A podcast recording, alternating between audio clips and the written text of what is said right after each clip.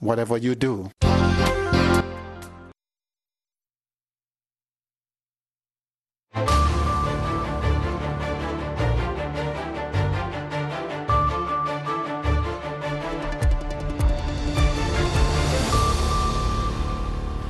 subax wanaagsan dhegaystayaal ku soo dhowaada idaacadda iyada subaxnimo ee laanta afka soomaaliga ee v o a oo idinka imanaysa washington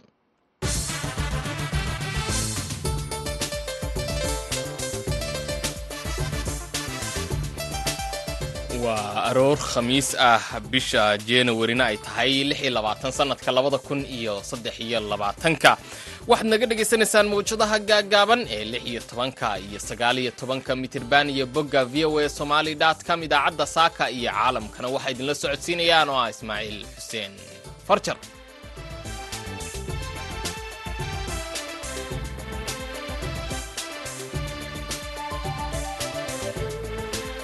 qodobadaan idinku hayno idaacaddayadeena saaka iyo caalamkana waxaa ka mid ah maamulka jubbaland oo ka hadlay cudurro kala duwan oo ay dad ku dhinteen oo ka dilaacay deegaano la dejiyey dadkii ku xoola beelay abaaraha ku dhuftay jubbooyinka. Waad arkaysaa dadkan o dhan baad arkaysaa caaw waxa wada shumaya leh oo calooshu baxayso oo cudurro kaloo hadda waxaaba jiraaba qabsin la dhaho qofka garaysa lagu dhegayo uu dhag. Marka hadda meeshan kun iyo saddex boqol iyo sagaashan qoys ku nooshahay haddaan caafimaad lahayn haddee wax badan ba ka imaan kara iskuullada waxbarashada soomaalida ee kenya oo sannadkan ka mid noqday iskuullada kaalmaha hore ka galay imtixaanaadkii sannad dugsiyeedka kenya. Waxaad kale oo aad maqli doontaan qodobadaas iyo kuwo kale marka horese waxaad ku soo dhowaataan warkii caalamka.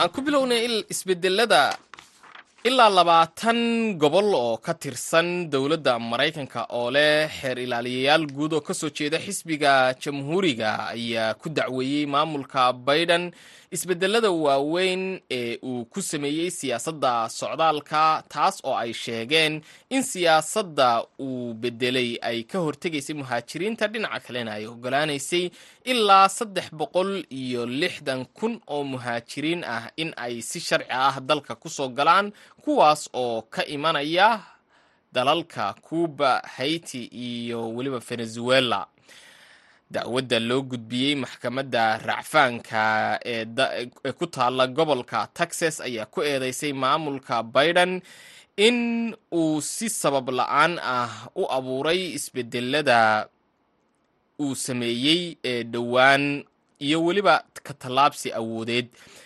Hormuudka kooxda dacwadda gudbiyey waxaa ka mid ah xerilaaliyaha guud ee gobolka texas kem parkston kaasoo hore ugu guulaystay in uu si kumeel gaadh ah u joojiyo sharciyada cusub ee dhinaca socdaalka ee hoos yimaada madaxweyne joe biden. Kuwa uu hormuudka ka yahay ee ka soo horjeeday xeeryaaliyahaasi ka tirsan yahay ayaa sidoo kale waxa ay sheegeen in dowladda maraykanku ay ku tallaabsatay qodobadaasi iyadoon awoodu lahayn. Dhinaca kalena ruushka iyo bakistan ayaa wada hadal ay yeesheen arbacadii waxay ku sheegeen baahida loo qabo in si wax ku ool ah loola shaqeeyo ururka taalibaan ee ka taliya dalka afghanistan. Hase ahaatee waxay meesha ka saareen in aqoonsi rasmi ah la siiyo hogaamiyaasha islaamiga ah ilaa ay wax ka qabanayaan walaacyada caalamiga ah ee laga qabo xuquuqda haweenka iyo weliba inay dhisaan maamul loo dhan yahay ergeyga ruushka u qaabilsan afghanistan ayaa hogaaminayey wafdi ka socday ruushka oo wada hadal kula yeeshay islaamabadan idhaahdee mas'uuliyiinta bakistan wuxuuna mas'uuliyiinta bakistan uga warbixiyey kulamadii uu horaantii bishan kula yeeshay kaabuul mas'uuliyiinta ururka taalibaan ilawareedyo sarsare oo bakistan ah ayaa u sheegay v o a in ergeyga ruushka ahi uu sheegay in moscow ay sii wadayso la macaamilka ururka taalibaan balse xilligan lagu guda jiro aanay ka fikiraynin in ay aqoonsi rasmi ah siiyaan hogaamiyaasha xukuumadda taalibaan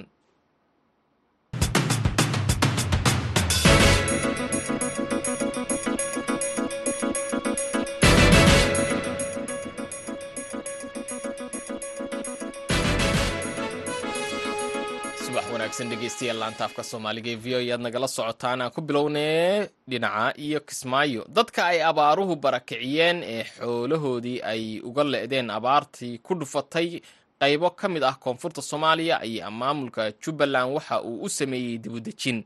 Wararka ka imanaya goobaha ay dad goobaha dadkan la dejiyey ayaa sheegaya in qaar ka mid ah carruurta ku nool goobahan uu ku dhacay cudurro aan weli la aqoonsanin maamulka gobolka jubbada hoose ayaa ka hadlay xaaladan caafimaad iyo waxa ay iyo waxa uga qorshaysan inay ka qabtaan haddaba faahfaahin. Armuurtaas ku saabsan waxaa kismaayo ka soo diray wariyaha v o a aadan maxamed salaad. Dadkan oo ka mid ah dadkii ay saameeyeen abaarihii baahsanaa ee dalka ku dhuftay islamar ahaantaana xoolahoodu ku waayey abaarahaasi. Qaarkoodna ay beerahoodu fatahaad ay ka saamaysay ayaa waxaa maamulka jubbaland uu dibudejin uga sameeyey deegaanada dhulka waqooyiga magaalada kismaayo waxaana tirada guud ee dadka barakacayaasha ahi xeryaha loo sameeyey ay gaarayaan ilaa boqol iyo siddeetan xero oo ay degan yihiin dadka barakacayaasha ahi. Kuwaa uu isugu jira dadka abaaruhu ay saameeyeen iyo sidoo kale kuwii dagaaladii sokeeye ku barakacay qaar badan oo ka mid dadkaasi ayaa daadsan deegaanada dhulka waqooyiga magaalada kismaayo waxaana xilligan soo food saaray. Xaalado bani'aadnimo aad u adag carruurta ayaa waxaa saameyn xoogan ku yeeshay cudurro aan la aqoon sida ay sheegeen qaar ka mida dadka deegaanka. Axmed cabdi cumar waa guddoomiye ku-xigeenka ah dadka barakacayaasha ahi ee waqooyiga magaalada kismaayo waxaana uu sheegay in dadkaasi ay soo food saartay xaalad aad u adag dabeelo xooggan oo ka jira gobolka ay saameyn xooggan ku yeesheen. Sidoo kalena waxa uu sheegay in ay jiraan cudurro saameyn ku yeeshay carruurta oo ay carruur badani u geeriyoodeen maadaama goobaha la dejiyey aysan ka jirin goobo caafimaad. Qofka bini'aadanka noloshiisa koobaad waa waa biyo talabaadna waa caafimaad. Wasaaradda caafimaad waxaan ugu baaqaynaa ummaddan caafimaadkeeda inay garaysa ayadaa ilaa ilaahay inta ka sokaysa mas'uuliyadda qaadatay inay meeshan isbitaallo lagu dhiso oo dadka la daryeelo. Waad arkaysaa dadkan o dhan baad arkaysaa caaw waxa wada shumaya hawowda leh oo calooshu baxayso oo cudurro kaloo hadda waxaaba jiraaba qabsin la dhaho qofka garaysa lagu dhegayo uu suuxayo dhag. Marka hadda meeshan kun iyo saddex boqol iyo sagaashan qoys ku nooshahay haddaan caafimaad lahayn haddee wax badan ba ka imaan kara. Iskuul wasaaradda waxbarashada halkaasi ka dhistay iskuul yar oo nisa u sii weyneyn. Daryeelkiisina ma hayso. Oo ma garanaysa hadda ciyaalkii waa laga geeyaa? Laakiin ciyaalku wa wada qaawan yihiin uniform ma laha. Bugaag ma haystaan waxaa ma haystaan. Daryeel ma jiro waa iska gee weye macallimiinta mushaar ma laha oo ma garanaysaa jubbaland waxaan ugu baaqayaa dadkeeda inay dayacan yihiin ay hoosu fiiriso. Oo caafimaad la'aan yihiin. Oo ma garanaysaa cunno la'aan yihiin oo magara hoy la'aan yihiin. Inkastoo dadkan ay saameyn xoogan ay ku yeelatay dhibaatooyin dhanka caafimaadka ahi iyo isbeddelka cimilada ayaa haddana waxaan arrimahaasi wax ka weydiiyey dhibaatada dadkan soo food saartay. Waxa ay kala socdaan maamulka gobolka jubbada hoose. Jaamac ogaas waa agaasimaha arrimaha bulshada ee maamulka gobolka jubbada hoose. Waxaana wax ka weydiiyey ka maamul ahaan qorshaha uga degsan dadkaasi maadaama ay haysato xaalado kala duwan. Waxa ay soo mareen dhibaato aad u xoog badan oo bilaadanimada ah oo dhibaato ah sida maaragtay nolosha iyo xagga hoyga labaduba way soo mareen. Hase ahaatee hadda dawladdu way ka jawaabtay xagga nolosha raashinka iyo baca oo la siiyey iyo dhammaan maaragtay biyaha xagga biyaha. Dhammaan dawladdu way ka jawaabtay runtii. Si aad iyo aad u qiimo badan ayaa dadka loo dejiyey. Hase ahaatee waxaa ka xoog badtay hadda oo dhacay xilligeedii oo aad isku babedelahayo oo xilligu ay tahay xilligii maaragtay dayradhaafka oo dabaylo wata oo ka imaanaya badda xaggeeda. Dabaylahaasoo ilaa hadda meel walbaba ilaa kismaayo iyo meel walbaba hadda aad aragtay ay ka socdaan. Dabaylahaasa hadda jira. Jaamac ogaas agaasimaha arrimaha bulshada ee maamulka gobolka jubbada hoose ayaa sheegay in hadda ay wadaan qorshe dadkaasi guryo loogu dhisayo kuwaasi oo heer gebagaba ah xilligan maraya sida uu sheegay.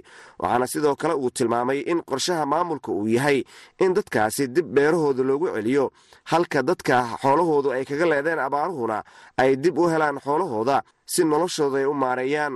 Dabaylaha darteed dawladdu waxay muddaba isku xilqaamisay say dadka oga saari lahayd. Dhibaatadan bili'aadanimay haysata waxay bilowday oo hadda dhammaaday boqol iyo soddon guri oo runtii ka kooban laba qol iyo musqul. Mar dhowna dawladdu ay siin doonto qayb ka mida dadka dhibaataysan ee maaragtay hoyla'aanta hoyga ku xun yahay.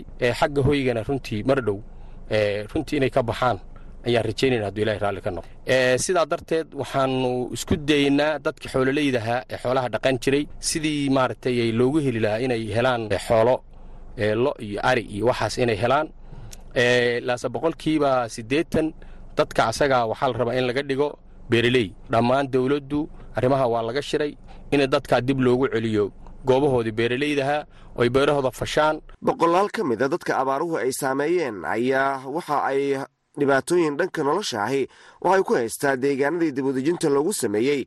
Dabeelaha kaskaadiga oo ka dhacay xeebaha gobolka jubbada hoose ayaana si weyn u saameeyey dadkan iyo cudurro aan la aqoon. Aadan maxamed salaad v o a magaalada kismaayo.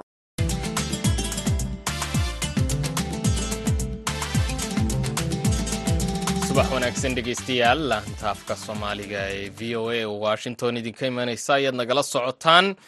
Wasaaradda caafimaadka ee dowlad goboleedka koonfur galbeed ayaa tababar muddo laba bil ah socday u soo xidhay afartan haween ah oo ka shaqeeya caafimaadka kuwaas oo loo tababaray umulusannimo. Tababarkan ayuu maamulku sheegay in ay gacan ka geysanayso horumarinta caafimaadka hooyada iyo dhallaanka. Wariyaha v o a mukhtaar maxamed catoosh ayaa warkan ka soo diray baydhabo. Tababarka oo soconayay muddo laba bil ah ayaa wasaaradda caafimaadka dowlad goboleedka koonfur galbeed soomaaliya waxay u qabatay afartan haween oo ka shaqeeya arrimaha caafimaadka haweenka tababarka loo soo gebagabeeyey waxaa la baray umulisanimo ama habka loo dhaliyo haweenka foosha. Waxaa sidoo kale haweenka la tababaray oo ka shaqeeya barnaamijka marwo caafimaad la guddoonsiiyey agab caafimaad oo isugu jira daawooyin iyo qalabka dhalmada loo isticmaalo. Madaxa hay'adda b s i oo maalgelisa mashruuca marwo caafimaad cabdulaahi maxamed khayre ayaa sheegay shaqaalaha la tababaray iyo qalabka iyo daawooyinka la siiyey ay aada uga faa'iidaysan doonaan dadka danyarta iyo barakacayaasha aan awoodin inay ku dhalaan cisbitaalada sida gaarka loo leeyahay.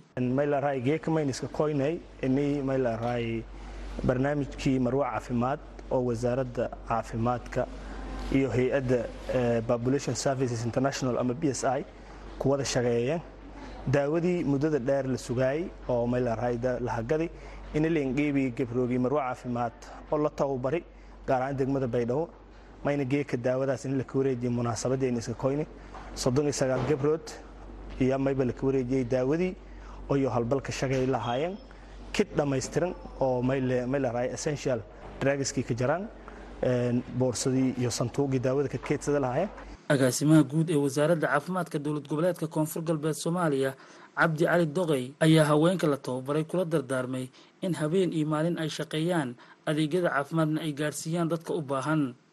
Wali geeka roognana maylaraayisu ini lasansi sablaygii oo isinka shaqeey fadhan wali tijaaban atiina ini projectkan guulaysada iyo ini feelgaro wali ka feelgaroway hooba shaqada sida la fadaay isin inin qobana feelgarowe laakiin hooba shaqada lama karhaanshi iyo intii awoodisay qobada bulshadii iyo lasiinka talgalay walalidoogula lasiintaa u baraayay wareegday hooba sida lanka talgalay isin qobatan projecta guulaysada wali sabab annagadaasaan ini gabdhi kale soomaaliyeed la qaado degmooyin kale la deero sabab annagadaasaan laakiin hoob isin imrijiha gaabidan degmo kale iyo magaalo kale ini walaku qaado meel raismo male marka saas dartiye mas'uuliyada korsiinku saaran sablaa lasansi qalaba lasansi waan walasan daba roogi doona hoob ilaa er.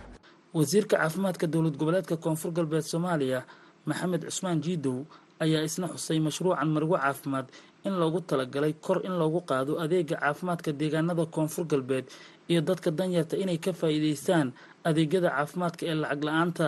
Imtixaankii laga qaaday boroseskay mareen mar dhowna la shaqaygelinayo maanta marka waxaa marhaysiin in sablayga idinla siiyo.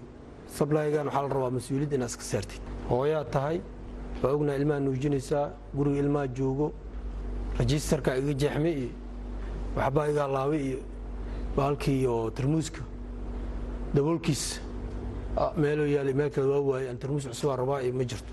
Qalabkan lagu siiyey mas'uuliyaddeeda ilaali il gooni ku fiiri meel fiican dhigo kuna shaqeey sabarfeersadada siduu agaasimaa ula dardaarmay tiim walba xaafadaa ku qoran xaafaduu ka shaqaynayay tiim walba horta xaafadiisi leh ka shaqeeyo xaafadaan isbeddel yaa lagu samayn waxaan rabnaa marka maamooyinka dhalaaya in xarumaha caafimaadka ay ku dhalaan. Inta badan haweenka qoysaska danyarta iyo barakacyaasha magaalada baydhabo ayaa dhibaato xoogan waxay ku qabeen xilliyada dhalmada ama ay foolanayaan mana heli jirin adeeg caafimaad oo lacag la'aan ah. Mukhtaar maxamed catoosh v o a baydhabo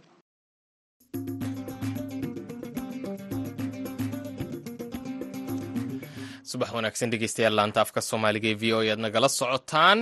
Iskuullada waxbarashada soomaalida ee kenya gaar ahaana kuwa magaalada nairobi ayaa sanadkan ka mid noqday iskuullada kaalmaha hore ka galay islamarkaana horumar ka sameeyey imtixaanaadkii sanad dugsiyeedka ee sannadkii hore ka dhacay kenya madaxda waxbarashada soomaalida ayaa sheegay in arrintani ay ka dambeysay kadib markii ay meesha ka baxeen caqabado kala duwan oo ay iskuullada waxbarashada soomaalida ee kenya ay kala kulmi jireen hanaanka caafimaadka ee kenya. Wariyaha v o a khadar maxamuud xareed ayaa warkan ka soo diray nairobi hadalka ka soo yeeray hogaamiyaha isbahaysiga ugu weyn mucaaradka dalkan ra'iisul wasaarihii hore raila odinga ee uu fagaaro dhowaan uga jeediyey taageerayaashiisa iyadoo ay barbar joogaan. Qaar ka mid ee siyaasiyiin ruugcadda ah oo isbahaysi warkaas waxbarashada kenya waynu u soo noqon doonaaye warka aad maqasheenna waxa uu ahaa hogaamiyaha mucaaradka kenya raila odinga ayaa dhowaan meel fagaare ah taageerayaashiisa ugu sheegay in aanu aqoonsanayn madaxweynaha talada haya william ruuto iyo dowladdiisaba. Haddaba kenya oo ah dal ay ku nool yihiin soomaali badan ayaa qaar ka mid ah bulshada soomaaliyeed waxa ay walaac ka muujiyeen hadalka odinga iyaga oo ka cabsi qaba in hadalkiisu uu rabshado dalkan ka dhaliyo oo ay dhacaan qalalaase siyaasadeed. Warkan waxaa magaalada nairobi ka soo dirtay wariyaha v o a maryan maxamuud bare hadalka ka soo yeeray hogaamiyaha isbahaysiga ugu weyn mucaaradka dalkan ra'iisul wasaarihii hore raila odinga ee uu fagaaro dhowaan uga jeediyey taageerayaashiisa iyadoo ay barbar joogaan.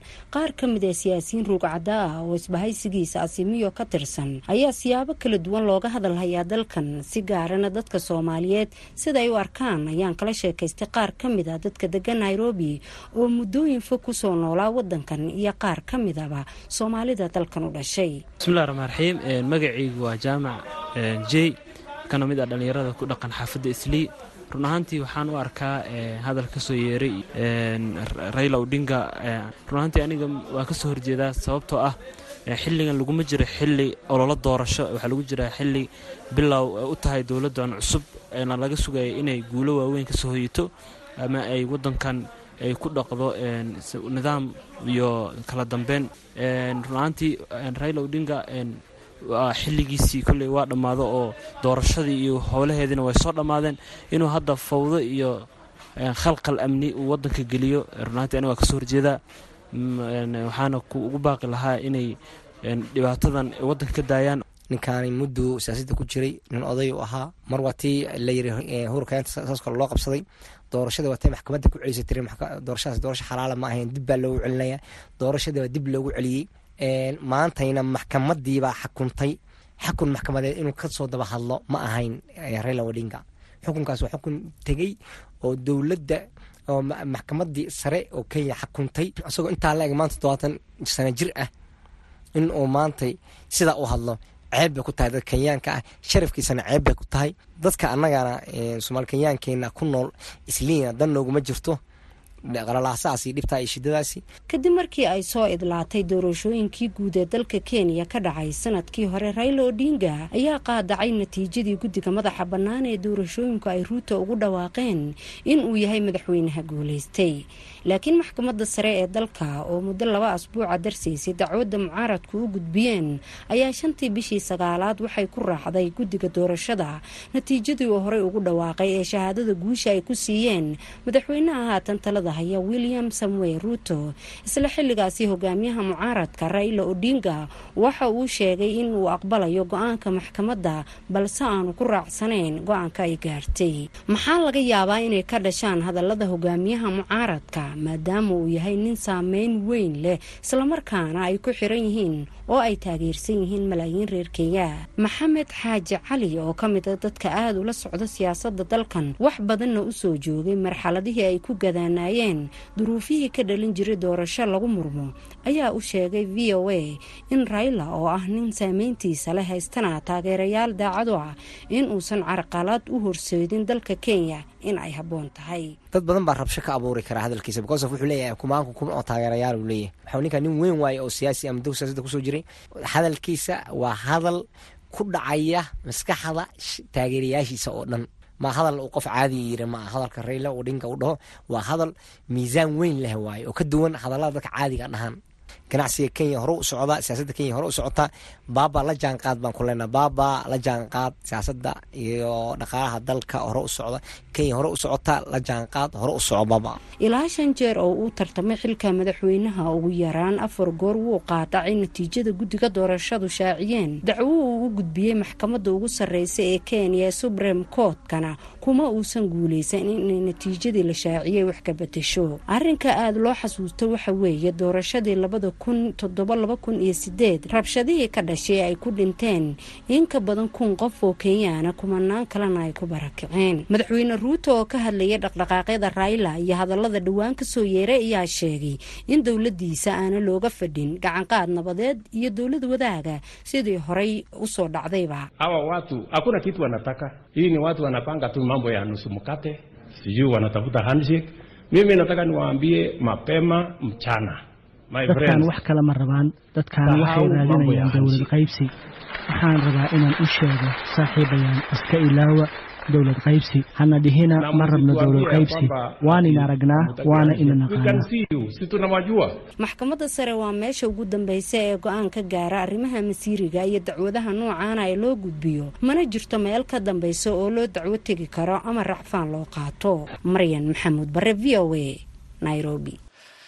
Weli wararka kenya ayaynu ku jiraa sidaad horey u maqasheen iskuullada waxbarashada soomaalida ee kenya gaar ahaan nairobi ayaa sanadkan ka mid noqday iskuullada kaalmaha hore ka galay imtixaanaadka dalka kenya. Haddaba wariyaha v o a khadar maxamuud xareed ayaa warkan ka soo diray nairobi.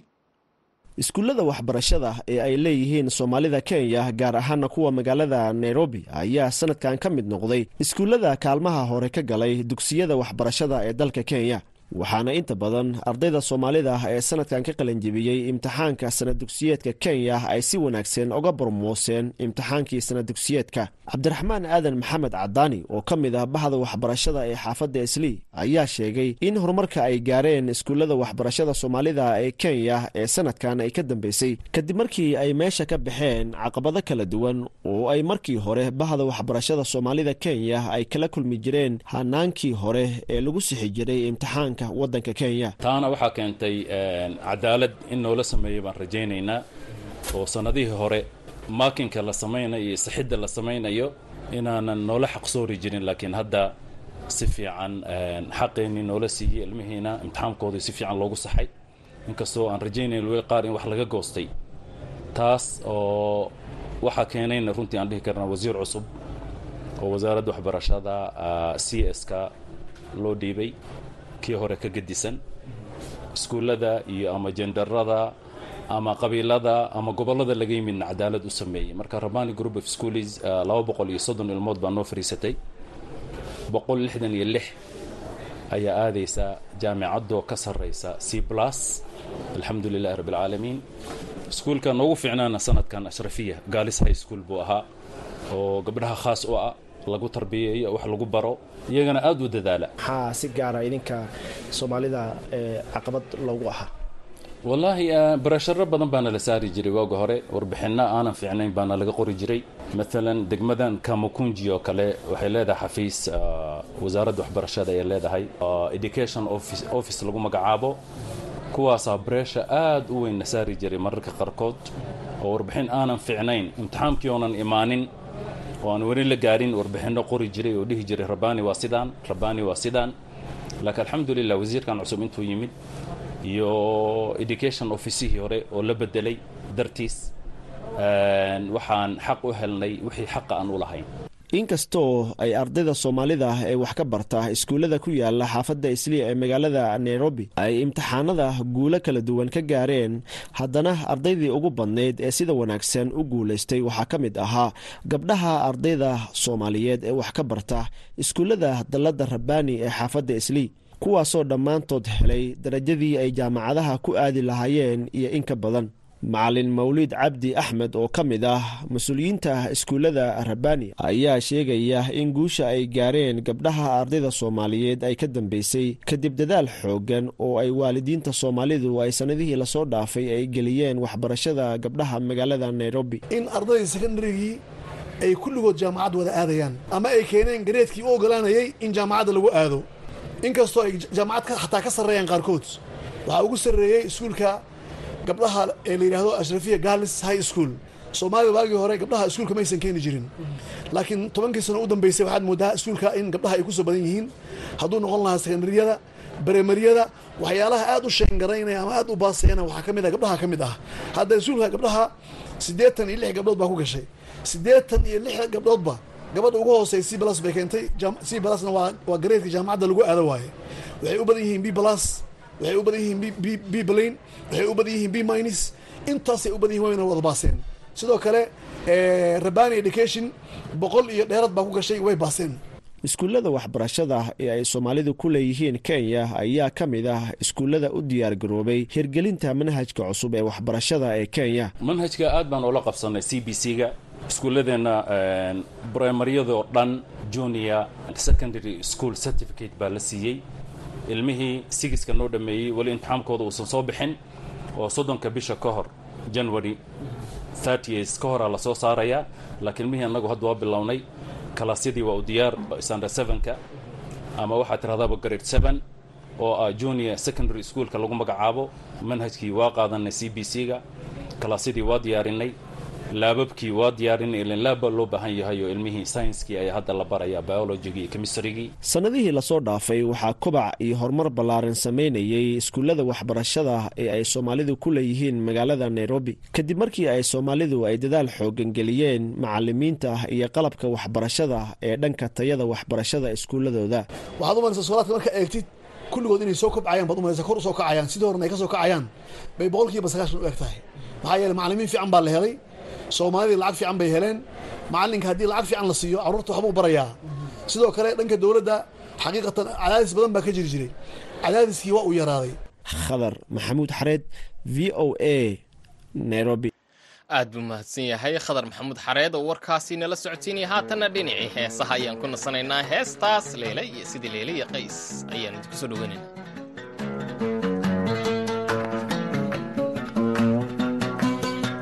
sida layli qays hurda kamalab